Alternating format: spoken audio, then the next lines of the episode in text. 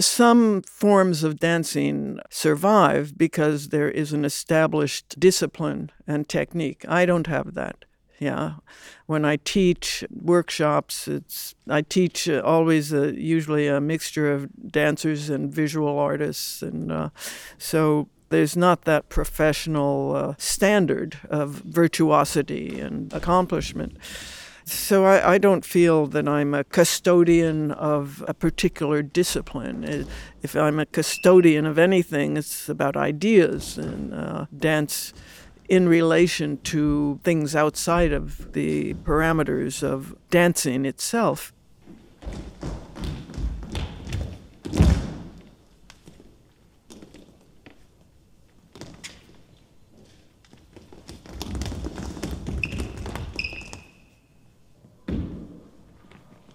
Exploring expressive vocabularies that have the power to dismantle the boundaries of artistic disciplines Yvonne Rainer has pieced together an extraordinarily extensive career, straddling the worlds of choreography, writing, and filmmaking.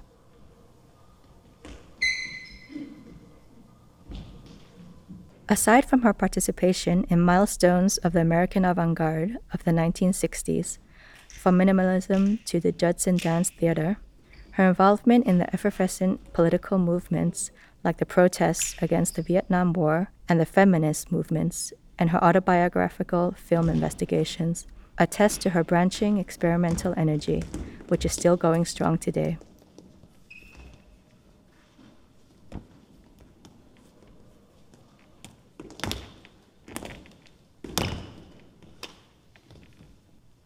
In works such as her recent choreography, The Concept of Dust, or How Do You Look When There's Nothing Left to Move, she combines a series of canonical texts with a cast of older dancers who can, Rainer says, challenge the audience's expectations and do things that no young dancer can do.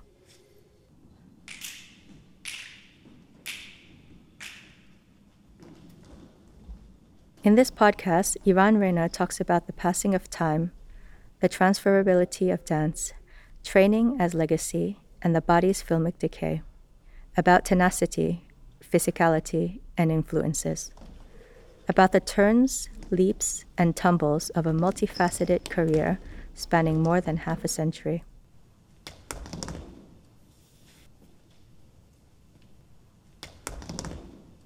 First acting and dancing experiences.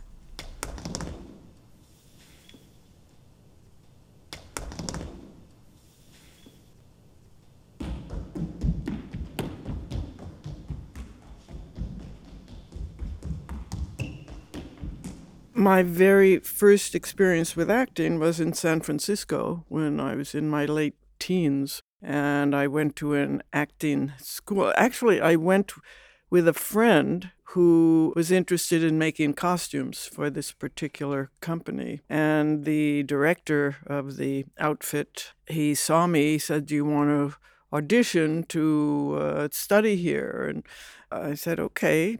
I didn't know what I was doing then or want, wanted to do. And he said, Well, go outside and come back in. You're in a dark room. Uh, you're searching for a light. Uh, he gave me a project, and I went out and I groped around. And uh, he said, uh, Okay, you're in. you're, you're. So I studied there. There were a number of teachers, and uh, uh, I remember learning a long speech from a Shakespeare play, and uh, the teacher said, You're very monochromatic. And uh, it was apparent I was not very talented or totally inexperienced. Anyway, I came to New York in 1956 to study acting seriously. I got the same criticism in the acting school. I was not expressive, or we didn't believe, you know, it was all Stanislavski method. And they said, uh, We don't believe you. and then a friend was taking uh, dance classes with uh, someone named Edith Stephen, who was a mature dancer, had danced with Limon and various people, and uh, her teaching was a combination of modern dance and uh, African a little bit. And uh, I didn't know that I was uh, anatomically not very gifted, not very limber. And but I loved jumping around. And uh, at the end of every class was uh, an improvisation with some schmatas in a box, and you ran around. I I just loved the physicality of it, and so I got involved and uh, after about a year, I'd gone to New York on the coattails of an artist named Al Held, and we lived together for a few years. And uh, I was mm, had started taking these dance classes, and uh, didn't think about it professionally, of course. And uh, then we separated, and I began to think I really want to take this seriously and uh, pursue it. So uh, I started studying uh, at the Martha Graham School, and gradually I realized, although I was very strong, that I didn't have what we call in dance turnout. The rotation of the legs in the hip sockets. In fact, one day Martha Graham came over, I was studying with her, came over to me and said, When you accept yourself as a woman, you will have turnout, right? Open your legs. Uh, it's been a classic quotation in my life. At the same time, I was seeing everything uh, Merce Cunningham and Limon and all the uh, uh, the offshoots of uh, early modern dance. And uh, at the end of that year, I started studying with uh, Merce Cunningham seriously. He had just moved into a new studio uh, near the village over the Living Theater. It's a whole building, a Living Theater with a little stage and theater on the second floor, and Cunningham was on the top floor. That was really my the beginning of uh, thinking about choreography. After a year, uh, Robert Dunn, who was a an acolyte of John Cage, introduced this composition course in, the studio, the Cunningham studio, and I made my first dances, solos in that situation.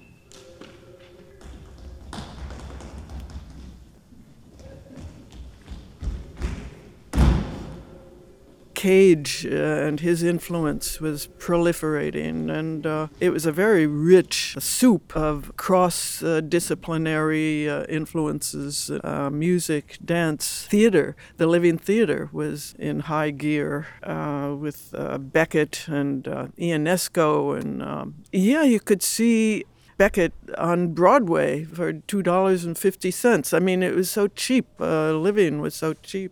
Yeah, it was a very heady, intense cultural moment. Uh, for a very short time, I aspired to being in the Cunningham Company and uh, very quickly realized that his preference was for classically trained and proportioned dancers, and I didn't fit into that. So it was clear that choreography was going to be my future.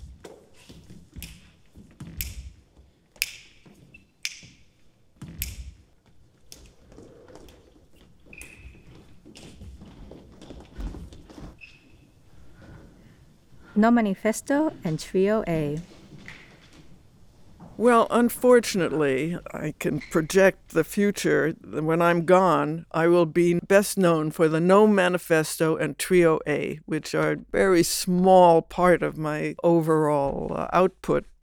First came this dance called Parts of Some Sextets, which had 10 performers and uh, 12 mattresses. The mattresses represented were a very rich metaphor. In and of themselves, uh, they represented sleep, dreams, nightmares, illness, death. And then in the actual uh, manipulation of them, they provided an, another relation to bodily movement and kinetic process. They were heavy, they were hard to move, provided surfaces which would create different kinds of movement.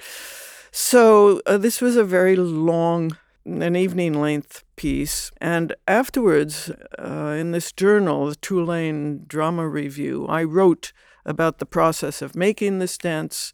And the essay ended with a confession or a feeling that this dance did not go as far in fulfilling its potential as it might have if it had adhered to this uh, template that I worked out as this no manifesto. And like all manifestos, it was a way of uh, describing a, an extreme of possibilities that I never thought would be prescriptive of future work, but indicated a direction and uh, a set of problems and uh, provocations, like uh, uh no to spectacle, no to this, no to that, uh, no conventions uh, that I felt were restraining and restrictive. So uh, it ended with no to moving or being moved, which was kind of ridiculous, right? I didn't take it that seriously. And no one can write about my work without referring to this, which to me was a, a very incidental moment, you know? And the context in which it was uh, written and appeared has totally disappeared, right? There was a uh, a show of manifestos at uh, this gallery uh, museum in London.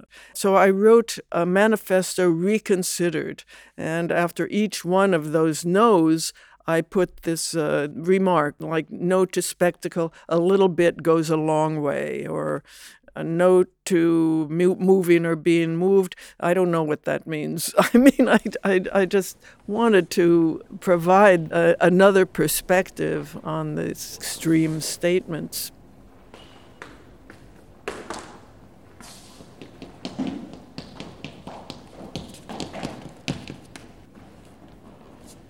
So that's the story of the No Manifesto. Trio A is another story. Oh, in 1965, uh, also later after the mattress dance, I began to work on a solo. It took me six months, and I didn't quite know what I was doing. Uh, it would contain a whole range of movements from the classical arabesque to walking to uh, small gestures and I began to realize there was a kind of continuity that would uh, characterize the sequence, and that, that was about all the movements would have equal weight. No one movement would be any more important than any others. And how to do that, uh, like a jump, that made equivalent to uh, a gesture with the hands. For instance, the, the jump, it began as a very I could jump very high, and then I got it smaller and smaller and smaller so it could fit into this unmodulated continuity. And so it went. For six months, I added every day, I worked every day on it. And uh, by the end of the year, I felt I had it, and I realized it, it could be a trio. And I began to think about a larger work. It would be the first section of a larger work that eventually became uh, the mind is a muscle. So, Trio A in itself was performed at the beginning of 1966. I taught it to David Gordon and Steve Paxton, and we performed it on a program that we shared uh, with each other, uh, their choreography. So it became a trio, but not in unison. We learned the same moves, but the pace was uh, determined by each person's inclination. And then by 68, I had added other sections, which have sort of disappeared. Trio A is the survivor of that dance. The mind is a muscle.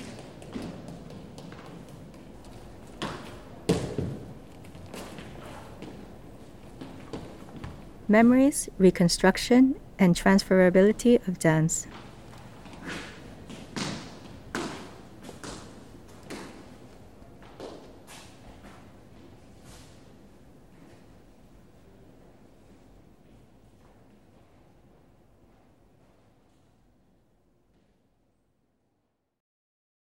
In the 60s, we did not think about the future, and there was no video, so uh, it would have been expensive, and uh, we lived in the moment, you know. And certain dances have survived because their structure was either very simple or there were extensive notes.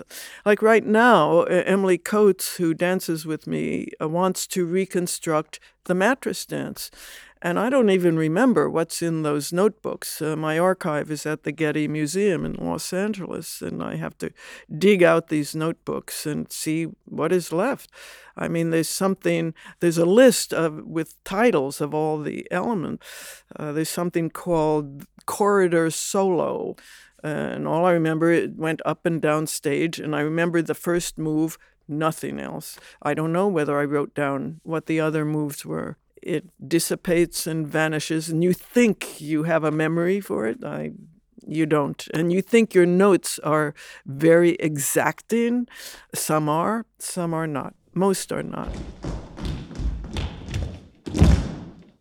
Dances can uh, be reconstructed in institutionalized dance companies, either by Laban notation or each new generation of dancers who learn a particular work. Uh, there are several who become the custodians of that work, like Balanchine dances, people who danced with him. And of course, there's documentation, video, film. Uh, my work uh, now, uh, I've, it's all videotaped. And there is a video, it was originally a 16 millimeter film of me in 1978 performing uh, for the camera Trio A. However, I had not danced for, I was involved in film at that point, and uh, I hadn't danced or kept up my technique very much, even though Trio A became a, a kind of daily discipline, uh, maintenance, body maintenance.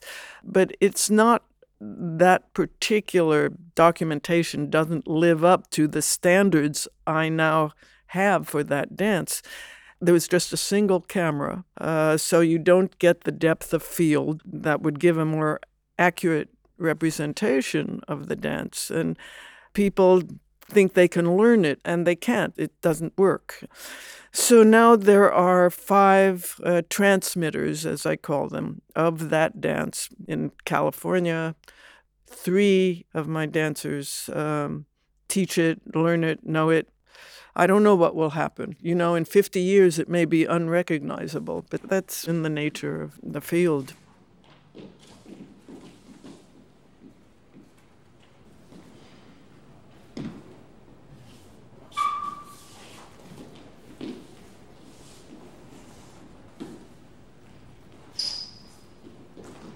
Judson Dance Theater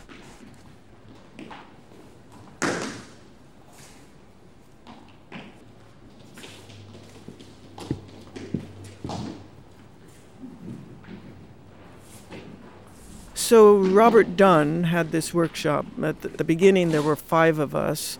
Uh, this was 1960. Uh, every year, more people came. By 62, uh, we realized that we had a body of work and we were looking for a place to show it. I had been going to Judson Church there was a gallery where Oldenburg and uh, Robert Whitman and these young artists were already showing their work. Howard Moody, the main, uh, what do you call him, a minister of the church, was a very revolutionary, radical in terms of relation to the community. In the early 60s, already the Vietnam War was beginning to heat up. There were consultations on uh, abortion. Abortion was still illegal. Uh, there were consultations on uh, draft resist. So I contacted Al Carmines, who was the cultural minister of the church. Um, it was a Baptist church, um, but very unconventional uh, in relation to like the Southern Baptist churches and religion. And uh, we did an audition. It was Steve Paxton and me and Ruth Emerson and uh, maybe Judith Dunn. There were three or four of us, and I performed my first solo, and I forget what Steve did or Ruth did. And uh, Al Carmines later would say, I wasn't sure what I was looking at, but I had a sense that it was important. And we were invited in.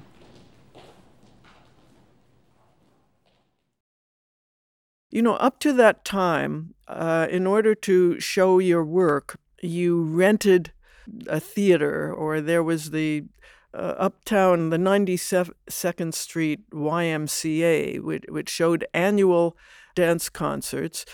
Some of us had auditioned for this prior to the Judson uh, welcoming and we were all turned down. I, I mean, it just spoke of the hidebound conventionality of, of the modern dance field. Um, Judson was like a totally open place, and not only could we perform there, but we had the gymnasium and the basement was where we had weekly workshops and meetings, all free we didn't have to pay for it, rent any space. And so anyone who showed work in the workshops could be on the program. So these programs were wide ranging. I remember the first one, July 1962, 90 degrees uh, weather Fahrenheit, packed with people, 300 people, no one left, three hours. And uh, that was our first concert. And uh, we were all like, hey, we, we have a place, we have a home. And, you know, and it wasn't that I uh, was interested in everything that went on, but uh, it, I don't think there's ever been anything like it, to my knowledge, uh, in New York.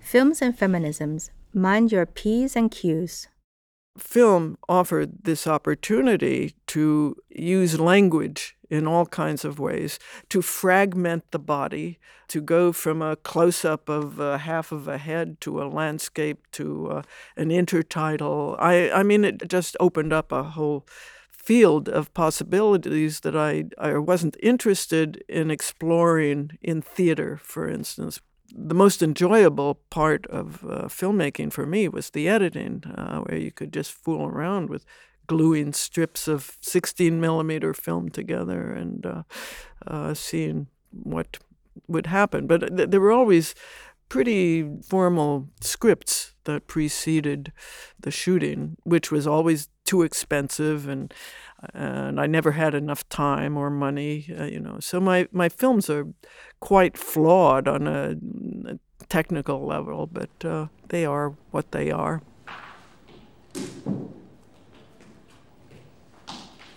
That first film contains a fictionalized version of various relationships that I had had in the immediate past, and uh, you can't follow the plot. In fact, the voice of one of the performers is missing because he uh, was absent from the performance.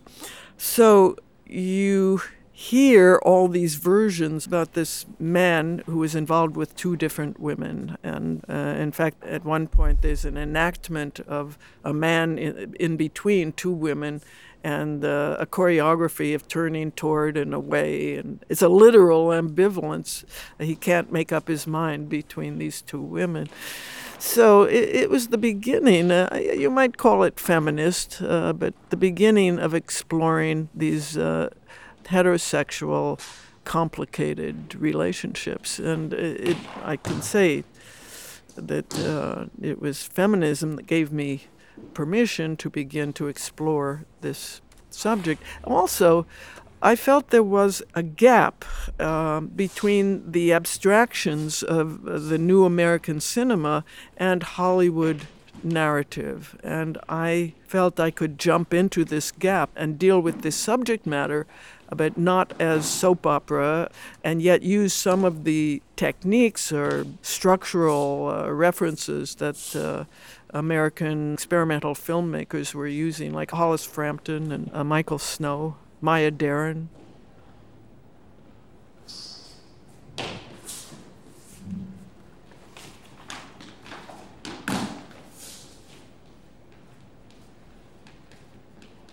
It was very clear that uh, women in the visual art world were excluded.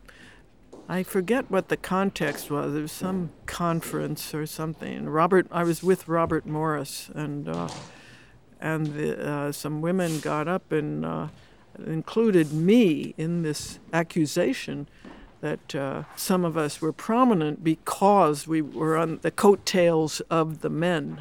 I don't know that my career was advanced because of my relationship to Morris, but it's true that the minimalists respected what I was doing, and if I had not been attached to him, I, they wouldn't have known of me or come to my concerts. Uh, yeah.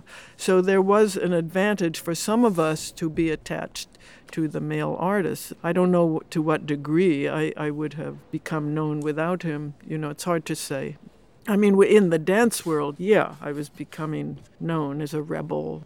It's true that those artists, male artists, would encourage and be attracted to ambitious women.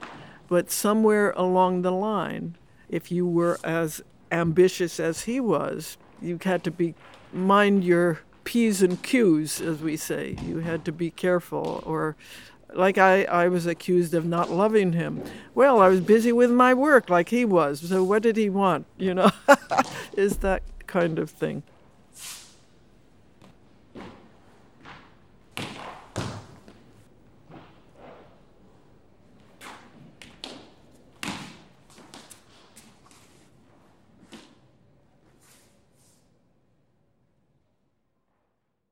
Challenging the training.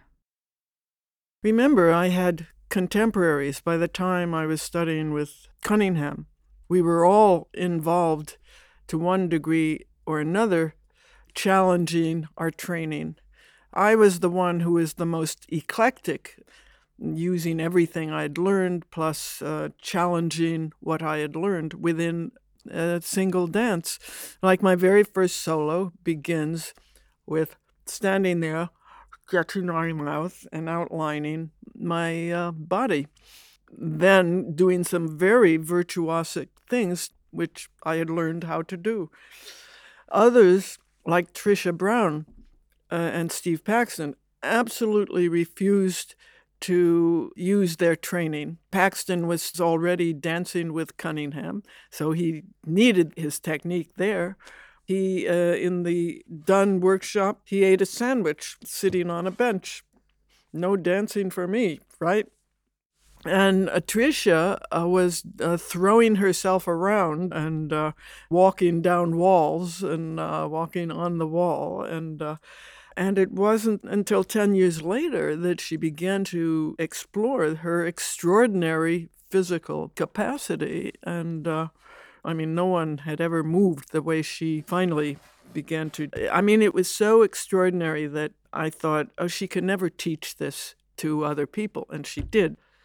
So the rest is history. Uh, so we dealt with our training, but we all felt we needed training and continued to go to class, to, to ballet class, to Cunningham class, and uh, to maintain this uh, ability so we all dealt with training in, in different ways. And uh, Steve, he did all kinds of things. He didn't choreograph, he always improvised in uh, beautiful ways. And of course, used his training, but not in a rigid, a recognizable way. And David Gordon went his own way with more dramatic kinds of uh, theater uh, dance, and uh, Lucinda Childs did these very structural, uh, abstract dances.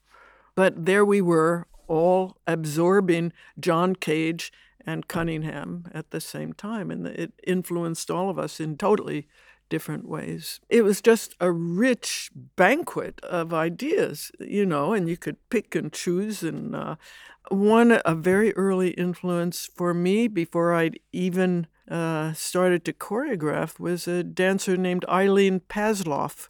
I went to the Living Theater, and Eileen sat in a chair, and she had a costume on with a big bustle in back, and she had a pencil, and she outlined her body in this chair, and she got out of the chair and kind of bumped around this big armchair and and my friend George Sugarman he turned to me and said, You could do that.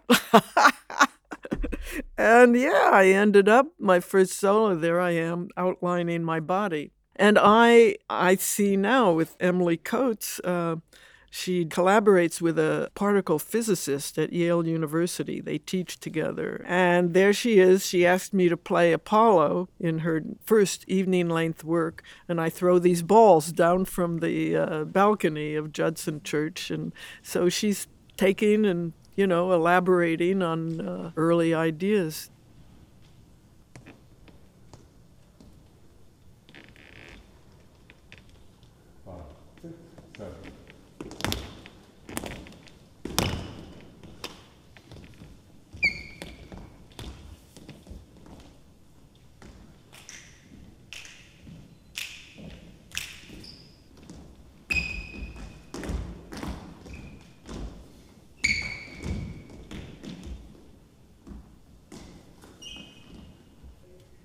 Concept of dust. It has to do with age.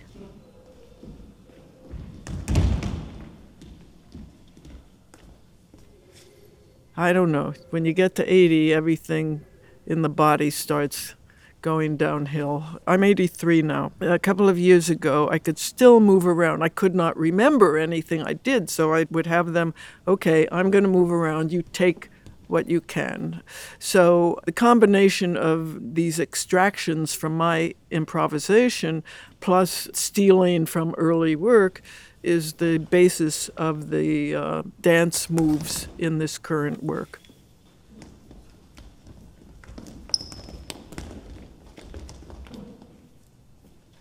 You know, there's something about dance training. You are always looking at bodies. If I see you walking down the street, I'm looking at your body. We're so conscious of being thin and fit. It's a, a neurosis almost. All dancers have this if they've had training. Pat is the oldest. She's 73 years old. And it's very clear in her face. She keeps going to class and keeping up her technique. Her balance is going. I see in the time I've worked with her, I'm very dependent on her memory for things past. I've known her and worked with her since 1969. She came to study with me. And she's beginning to worry a little bit how long she can go on. And she has a relationship now. She may move to Boston. I don't know. Her life is in flux now. Keith is 63. They're all in their 50s. You know, the youngest is Emily, who's 43 now, and had a baby, and uh, they all have complicated lives. It's hard to get them together, but I look at these people and I think they do things that younger dancers cannot do, you know?